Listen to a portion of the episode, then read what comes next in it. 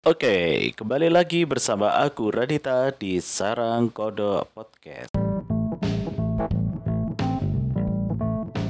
Teman-teman semuanya, ya, ini kita sudah masuk di episode yang ke-27 dan ini kayaknya aku mau coba membahas tentang fenomena uh, game atau permainan elektronik yang tentunya sudah mengikuti perkembangan revolusi digital yang terbaru ya. Oke teman-teman, nah Sebetulnya aku sudah lama sih nggak main game ya. Kalau sekarang ini mungkin aku lebih banyak untuk main game itu di PlayStation 3 gitu ya. Dan sebetulnya aku sendiri kalau suka main game sih sudah dari kecil gitu dari SD itu aku sudah suka main game itu mulai dari Nintendo, kemudian Sega, kemudian uh, apa namanya? Sampai PlayStation 1 pun itu sempat aku mainkan gitu ya. Nah, oke okay, teman-teman semuanya. Nah, kenapa apa yang menjadi daya tarik ya kalau aku mau membahas tentang fenomena game saat ini gitu ya. Nah, uh, mungkin kalau di podcast ini aku sebenarnya tidak membahas tentang spesifikasi konsol ataukah peralatan-peralatan permainan game atau seperti Game Watch dan beberapa perangkat-perangkat uh, game yang lain gitu ya tapi di sini aku lebih banyak membahas uh, tentang bagaimana sih fenomena game itu bisa muncul di masyarakat gitu ya. Apalagi bagaimana perkembangan game di era revolusi industri yang keempat ini dan bagaimana uh, tren ya e-sports itu bisa merajai ya di ranah uh, bagian dari industri permainan gitu ya dan industri elektronika yang sebetulnya itu juga memiliki peminat yang tidak sedikit gitu ya. Oke teman-teman jangan lo jangan lewatkan ya untuk Sarang Kode Podcast episode terbaru.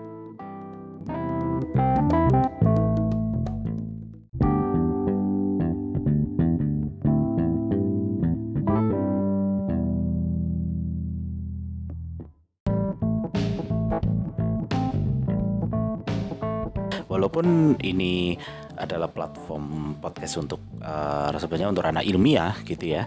Tapi nggak ada salahnya lah ya kita mencoba untuk membahas tentang uh, fenomena game terutama terutama dari fenomena game online gitu yang sekarang menjadi populer gitu di kalangan anak milenial sampai kalangan anak-anak alpha gitu ya. Jadi kalau generasi sekarang itu kan ada generasi milenial, kemudian ada generasi alpha. Kalau generasi alpha itu berarti lebih kecil gitu dari generasi milenial ya.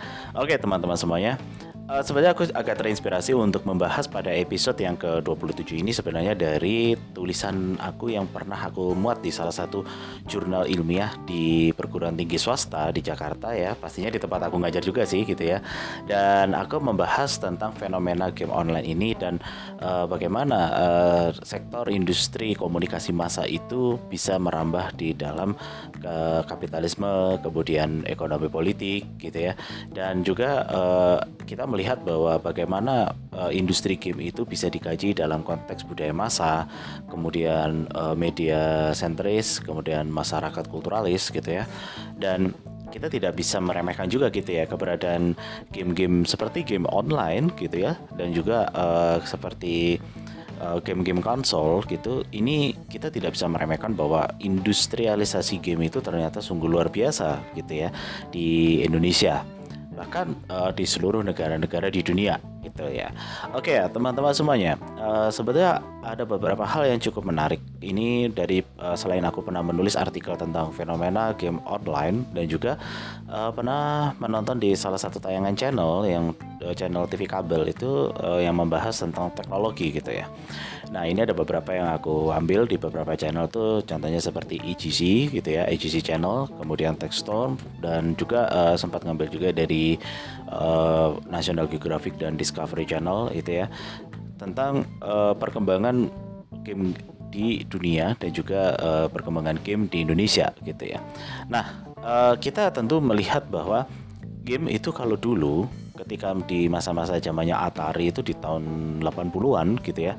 Itu sebetulnya kalau bisa dikatakan mungkin tidak terlalu antusias masyarakat itu untuk bermain game karena pada masa itu game itu mungkin menjadi uh, sekedar permainan biasa dan pada saat itu mungkin zamannya game permainan elektronik itu tidak begitu populer sehingga uh, pengguna Atari pada masa itu sebetulnya juga tidak terlalu banyak gitu ya namun hal itu tidak menyurutkan ya karena Atari ini kan bagaimanapun juga e, tidak bisa dipungkiri dan tidak bisa diremehkan. Banyak ahli-ahli IT yang terkenal gitu ya di dunia itu yang justru banyak dari keluaran Atari gitu. Nah itu salah satunya adalah uh, almarhum Steve Jobs itu ya. Dan uh, bahkan beberapa uh, personel seperti pendiri Google itu juga sama yang pernah berpengalaman di Atari dan juga uh, beberapa ahli-ahli IT termasuk pelopor dari game Nintendo itu juga uh, mereka dulunya juga merupakan keluaran-keluaran Atari juga gitu. Tapi sayangnya kalau di masa itu mungkin Atari bukan permainan yang begitu dicari orang gitu ya dan agak berbeda ketika masa pertumbuhan game itu mulai dari kemunculan Sega, kemudian Nintendo, Nah, yang sekarang menjulang prestasi yang cukup tinggi dari industrialisasi game itu ya seperti Sony PlayStation gitu ya. Nah, keluaran Sony PlayStation yang pertama itu ternyata sangat luar biasa sekali itu uh, antusiasme masyarakat untuk bermain game karena PlayStation itu bisa menawarkan grafis yang berbeda, tipikal permainan yang berbeda, suasana yang berbeda, bahkan bentuk story story game yang pastinya juga berbeda di situ. Dulu masih menggunakan CD gitu ya atau perangkat seperti VCD gitu kan dan kita tidak mungkiri bahwa PlayStation yang pertama itu juga banyak itu bajakannya itu juga banyak gitu ya.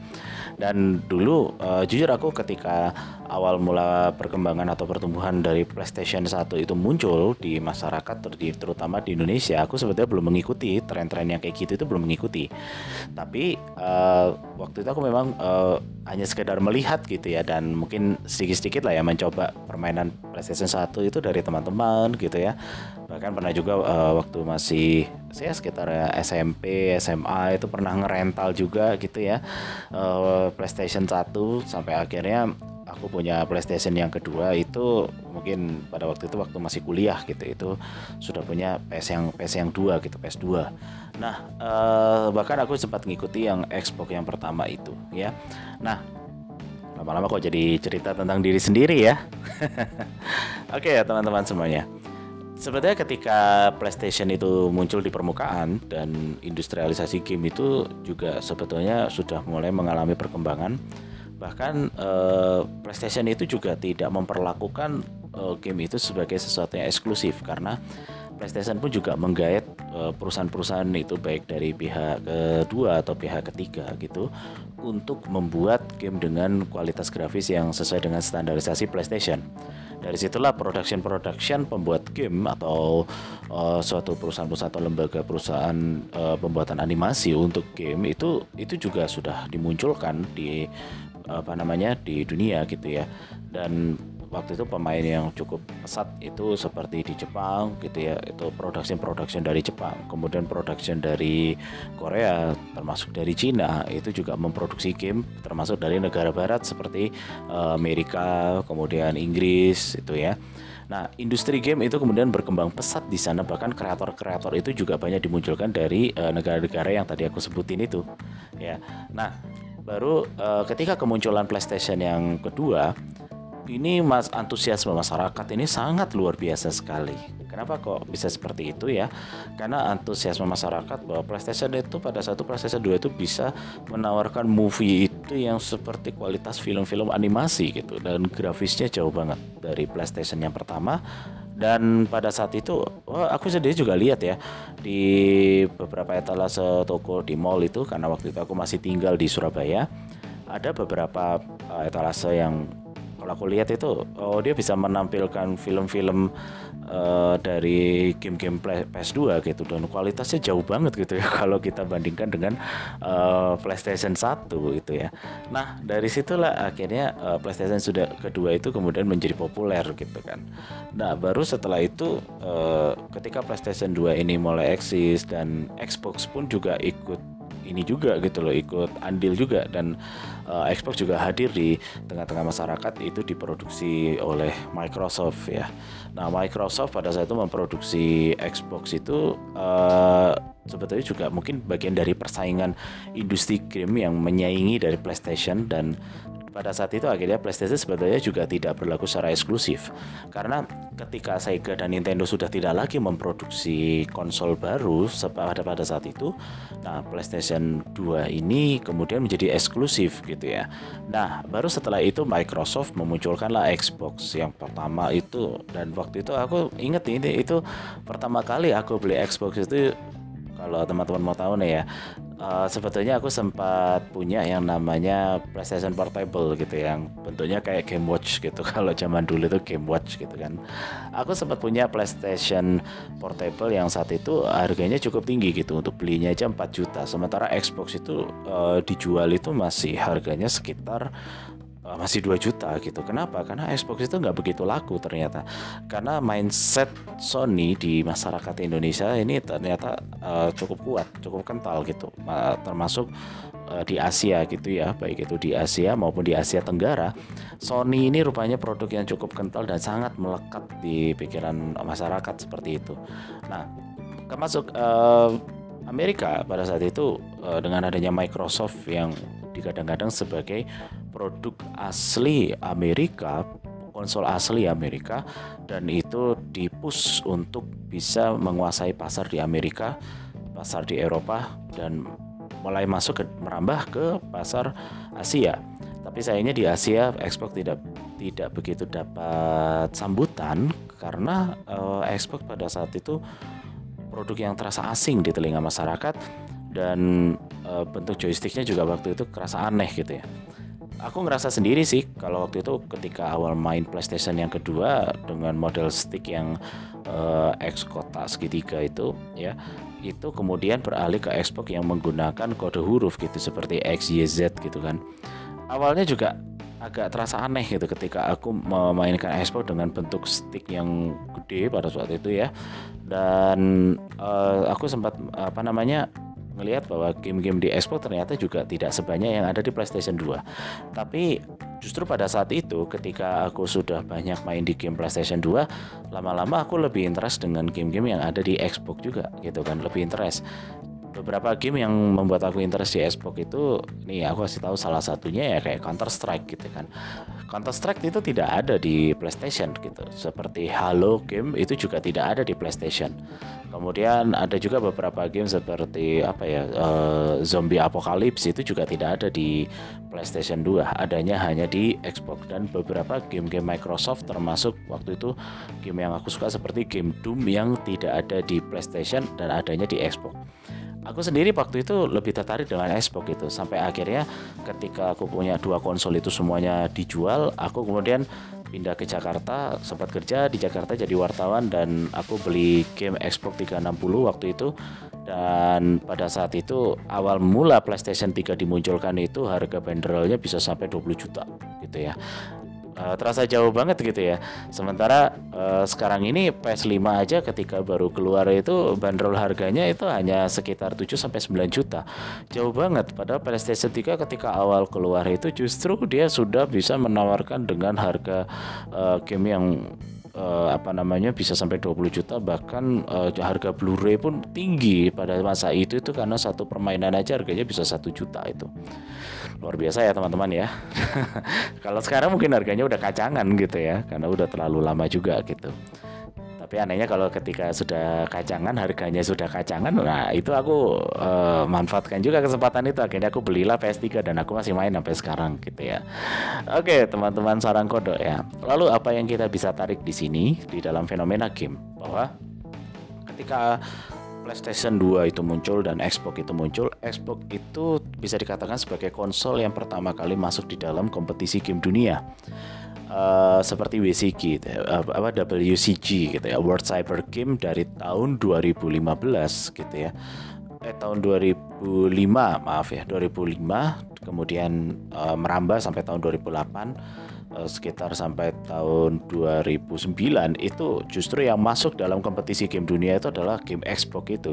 PlayStation 2 tidak masuk di dalam kompetisi game dunia karena pada saat itu dalam kompetisi game dunia itu yang dipertandingkan itu seperti Call of Duty itu yang ada di Xbox. Kemudian ada juga permainan seperti Halo game itu ada di Xbox juga. Terus uh, permainan uh, apa namanya seperti balap mobil itu juga ada dan Counter Strike uh, konsol Xbox itu pada saat itu juga masuk dalam pertandingan World Cyber Game. Sementara PlayStation pada saat itu tidak masuk di dalam World Cyber Game. Ya secara sih World Cyber Game sendiri itu kan keluaran produk Amerika sebenarnya ya. Event-event yang dari Amerika yang lisensinya itu di seperti di franchise kan gitu kan sampai ke negara Asia dan waktu itu adalah Singapura yang memegang untuk wilayah Asia Tenggara. Nah, teman-teman semuanya, Ketika itu uh, game online atau game offline dengan menggunakan LAN atau WAN, WAN itu wireless area network, kalau LAN itu local area network seperti Counter Strike, kemudian Warcraft, Ragnarok itu dan beberapa game yang lain yang ada di komputer itu juga masuk di dalam pertandingan World Cyber Game atau pertandingan game dunia itu ya. Nah itu uh, kalau waktu itu komputer sementara konsolnya adalah Xbox gitu. Nah dari situlah aku merasa bahwa oh ternyata justru kalau yang masuk dalam kompetisi dunia itu adalah Xbox dan Xbox itu pengguna Xbox itu mayoritas adalah orang-orang yang maaf ini secara kelasnya aja ada kelas menengah ke atas gitu kan. Kalau PlayStation 2 itu kayaknya kelasnya yang ke bawah gitu, menengah ke bawah gitu waktu itu. Dan aku merasa pede banget dengan wah dengan Xbox ini kali aja aku bisa masuk dalam kompetisi game dunia gitu. Ternyata aku nggak bakat di situ ya. Oke ya teman-teman. Nah uh, inilah yang kita lihat ketika tren game itu masuk di masyarakat gitu ya dan diadopsi oleh masyarakat di situ kita bisa melihat inilah kemudian industrialisasi game itu sudah bisa merambah di dalam masyarakat kulturalis gitu ya masyarakat budaya masyarakat kulturalis masyarakat budaya yang di mana pada masyarakat budaya ini yang tadinya budaya permainan itu mungkin kalau dulu masa tradisional itu ya aku sempat tuh ya kayak main pasir main. Kalau bola bekel enggak waktu itu identiknya bola bekel itu kan untuk cewek gitu ya sama kayak dakonan gitu. Kalau dakon itu kalau di Jakarta itu namanya congklak itu ya. Itu permainan-permainan yang uh, untuk cewek gitu waktu itu. Nah kalau aku ya mainnya main pasir main peta umpet gitu ya. Permainan tradisional tradisional termasuk ya sepak bola di kampung gitu kan. Nah tapi dengan adanya game, ini kemudian sudah mulai beralih gitu ya. Nah, yang tadinya permainan game untuk uh, level tradisional, kemudian merambah ke permainan game yang uh, modern dengan menggunakan perangkat uh, digital seperti itu. Dan faktanya memang uh, peralihan ini membuat anak-anak kecil-kecil itu sudah nggak berminat lagi untuk bermain di jalanan, main pasir yang kotor-kotor, bahkan sampai mandi di sungai mereka lebih memilih untuk main game online gitu kan nah eh, aku pertama kali main Counter Strike itu justru waktu itu diajak tuh sama kakakku sendiri tuh. Waktu itu ada di eh, apa namanya di dekat rumah itu buka rental multiplayer gitu ya uh, untuk permainan Counter Strike gitu kan. Iseng-iseng nyoba permainan Counter Strike tanding gitu kan. Saling terhubung satu orang dengan orang yang lain gitu. Dan waktu itu permainan itu kayaknya asik gitu ya. Nah, habis gitu uh, aku dikenalin dengan PlayStation, akhirnya beralihlah ke PlayStation. Kumpul dengan teman-teman yang ada di kampus waktu aku kuliah strata 1 di Surabaya. Kumpul lah sama teman-teman di situ kan. Nah, mulai lagi tuh kumat tuh main Counter Strike waktu itu ya. Bahkan uh, di rumah sendiri uh, aku mas waktu itu orang tua punya komputer Pentium 3 sama Pentium 4 gitu ya. Aku instalin tuh Counter Strike diem-diem gitu kan. Orang tua nggak tahu. Habis kita aku ngegame itu sepuasnya kalau nggak kelihatan gitu ya. Nah ini peralihan ya adanya satu peralihan di mana kultur masyarakat ini seperti gegar budaya atau yang kita sebut sebagai the shock culture. Game itu bisa masuk ke ranah masyarakat kulturalis gitu ya Nah, baru setelah itu ada juga uh, game itu juga bukan hanya masuk ke ranah kultur budaya masyarakat, terutama anak-anak sekarang gitu. Tapi di satu sisi kalau kita melihat dalam konteks media sentris gitu, ternyata permainan game ini juga uh, bisa menciptakan suatu bentuk interaksi, suatu bentuk komunikasi gitu ya antara satu orang dengan orang yang lain. Bahkan permainan game-game online dulu seperti Ragnarok, kemudian ada juga uh, apa namanya kayak adop apa ya oh, adop sorry uh, seperti audition gitu kan. Terus ada juga permainan seal online ya pada pada pada zaman itu ya masih populer. Kalau sekarang udah nggak ada gitu kan. Nah itu uh, aku itu bisa menjadi media interaksi ketemu dengan orang lain bisa berkomunikasi melalui game seperti itu ya nah di sinilah kalau kita melihat dalam konteks media sentris bahwa media game itu bisa menjadi sebuah media interaksi, media komunikasi juga. Bahkan bisa menjadi media komunikasi massa karena game itu juga bisa memberikan informasi-informasi umum, ya kan? Apalagi yang game-game yang terjalin dengan jaringan online di situ. Dan uh, game bisa memberikan perubahan perilaku kepada masyarakat, baik itu dari segi kognitif, afektif maupun psikomotoriknya.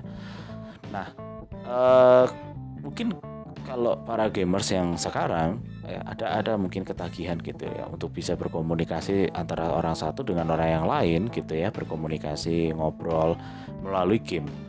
Uh, bukan melalui uh, telepon atau chat gitu ya. Dan itu bisa dilakukan gitu ya. Kita permainan game uh, apa namanya bisa berkomunikasi bisa berinteraksi. Tapi ketika teknologi game itu memungkinkan bagi antar pemain itu melakukan komunikasi dan memungkinkan bagi para pemain itu melakukan interaksi. Nah, di situ justru akhirnya uh, ada aja ya oknum-oknum pinter tapi jahat gitu yang memanfaatkan permainan game interaction itu sebagai sarana kejahatan gitu kan. Berkomunikasi antara satu orang dengan orang lain tapi untuk tujuan kejahatan. Tujuannya apa? Supaya tidak mudah dilacak gitu. Kalau berkomunikasi lewat telepon bisa di apa namanya bisa di sabotage gitu kan. Bisa di uh, track bahkan bisa disadap untuk diketahui kira-kira pembicaranya mengenai apa termasuk media chatting itu kan juga begitu. Nah game itu juga dijadikan sebagai uh, alat komunikasi antara satu pemain dengan pemain lain. Kalau ada orang yang menggunakan modus game untuk ber, untuk berkomunikasi bertransaksi secara ilegal gitu ya dia akan menjadi user dia akan menjadi bagian dari permainan seperti itu.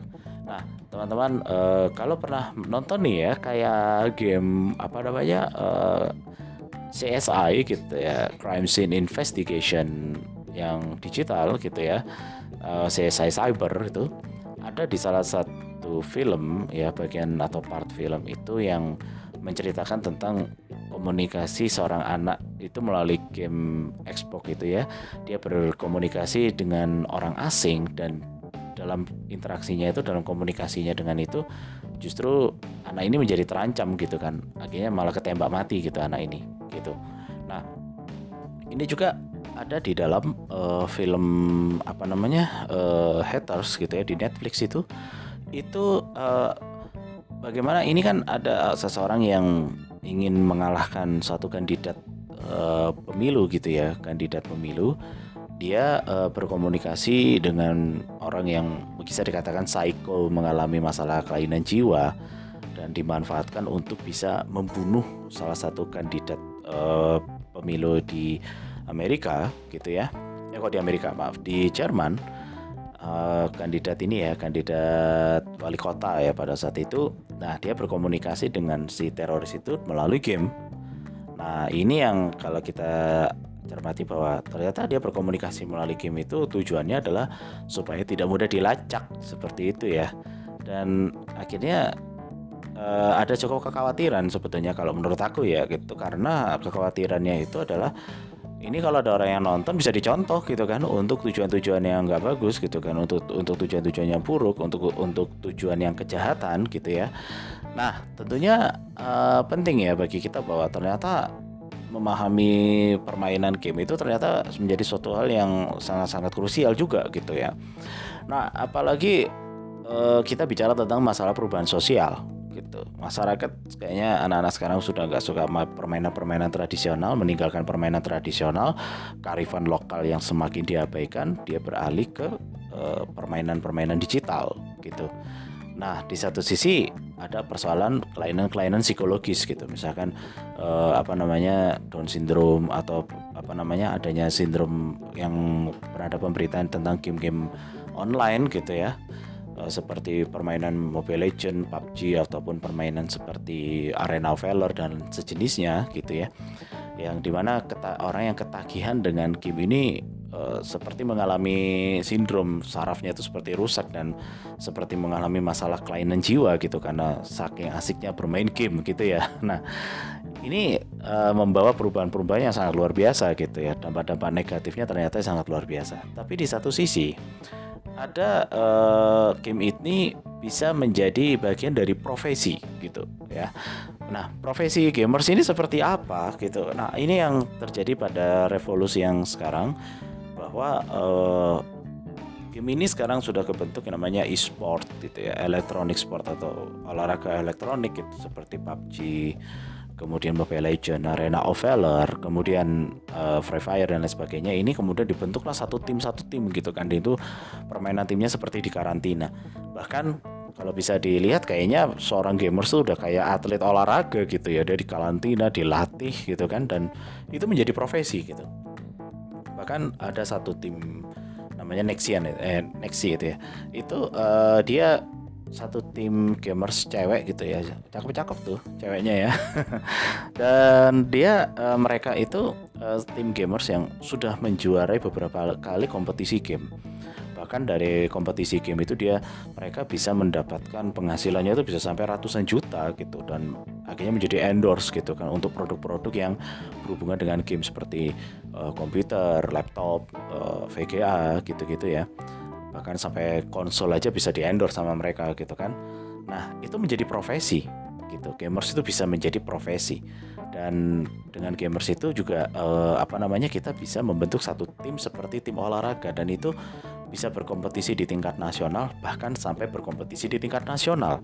Nah kalau teman-teman tahu seperti Reza Arab ya Octaviano itu yang dia justru juga punya itu dia bikin satu apa namanya manajemen khusus untuk tim e-sport itu ya. Bahkan Reza sendiri sampai apa namanya mengontrak satu rumah. Nah, tim e-sport yang dia rekrut itu di karantina di dalam rumah itu dilatih untuk main gitu ya, main game e, melalui seluler gitu kan. Ada juga yang dilatih e, menggunakan game komputer gitu dan mereka dipertandingkan gitu di kompetisi tingkat nasional bahkan sampai kompetisi tingkat internasional gitu. Nah ini bisa jadi ladang duit juga ya, hanya modal main gitu. Jadi seperti ibarat kata itu udah passion gitu ya, udah passion menghasilkan duit pula. Doyan main dan main yang menghasilkan gitu. Bahkan di salah satu channel seperti Techstorm itu ada orang yang kayaknya dia pembawa acara, dia gamers pembawa acara dan dia main game sesuai dengan kesenangannya, bahkan dia bisa sampai uh, menjadi reviewer game gitu kan. Dan itu tentunya bisa menghasilkan uangnya bisa sampai ratusan juta itu yang kayak gitu. Di Amerika saja ada satu sekolah gitu yang jurusannya adalah jurusan game. Bukan sekolah uh, jurusan membuat game itu bukan. Kalau membuat game itu kayak animasi gitu kan. Di Indonesia juga ada ya, uh, ya jurusan apa namanya game computing gitu kan untuk membuat animasi, membuat pemrograman game. Tapi ini di Amerika justru adalah jurusan untuk bermain game gitu dan dia modelnya di karantina gitu.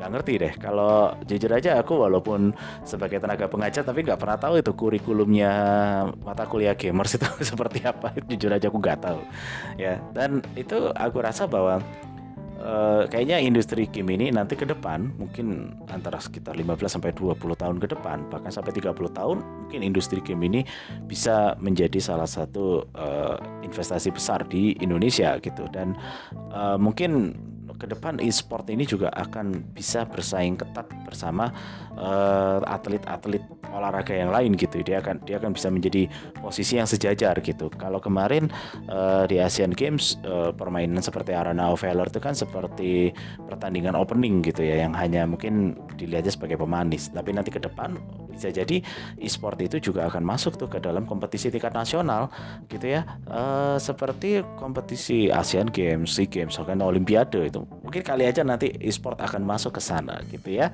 Nah, jadi teman-teman bagi yang suka main game ya uh, jangan pernah takut bahwa game itu akan membuat bodoh gitu. Enggak gitu ya.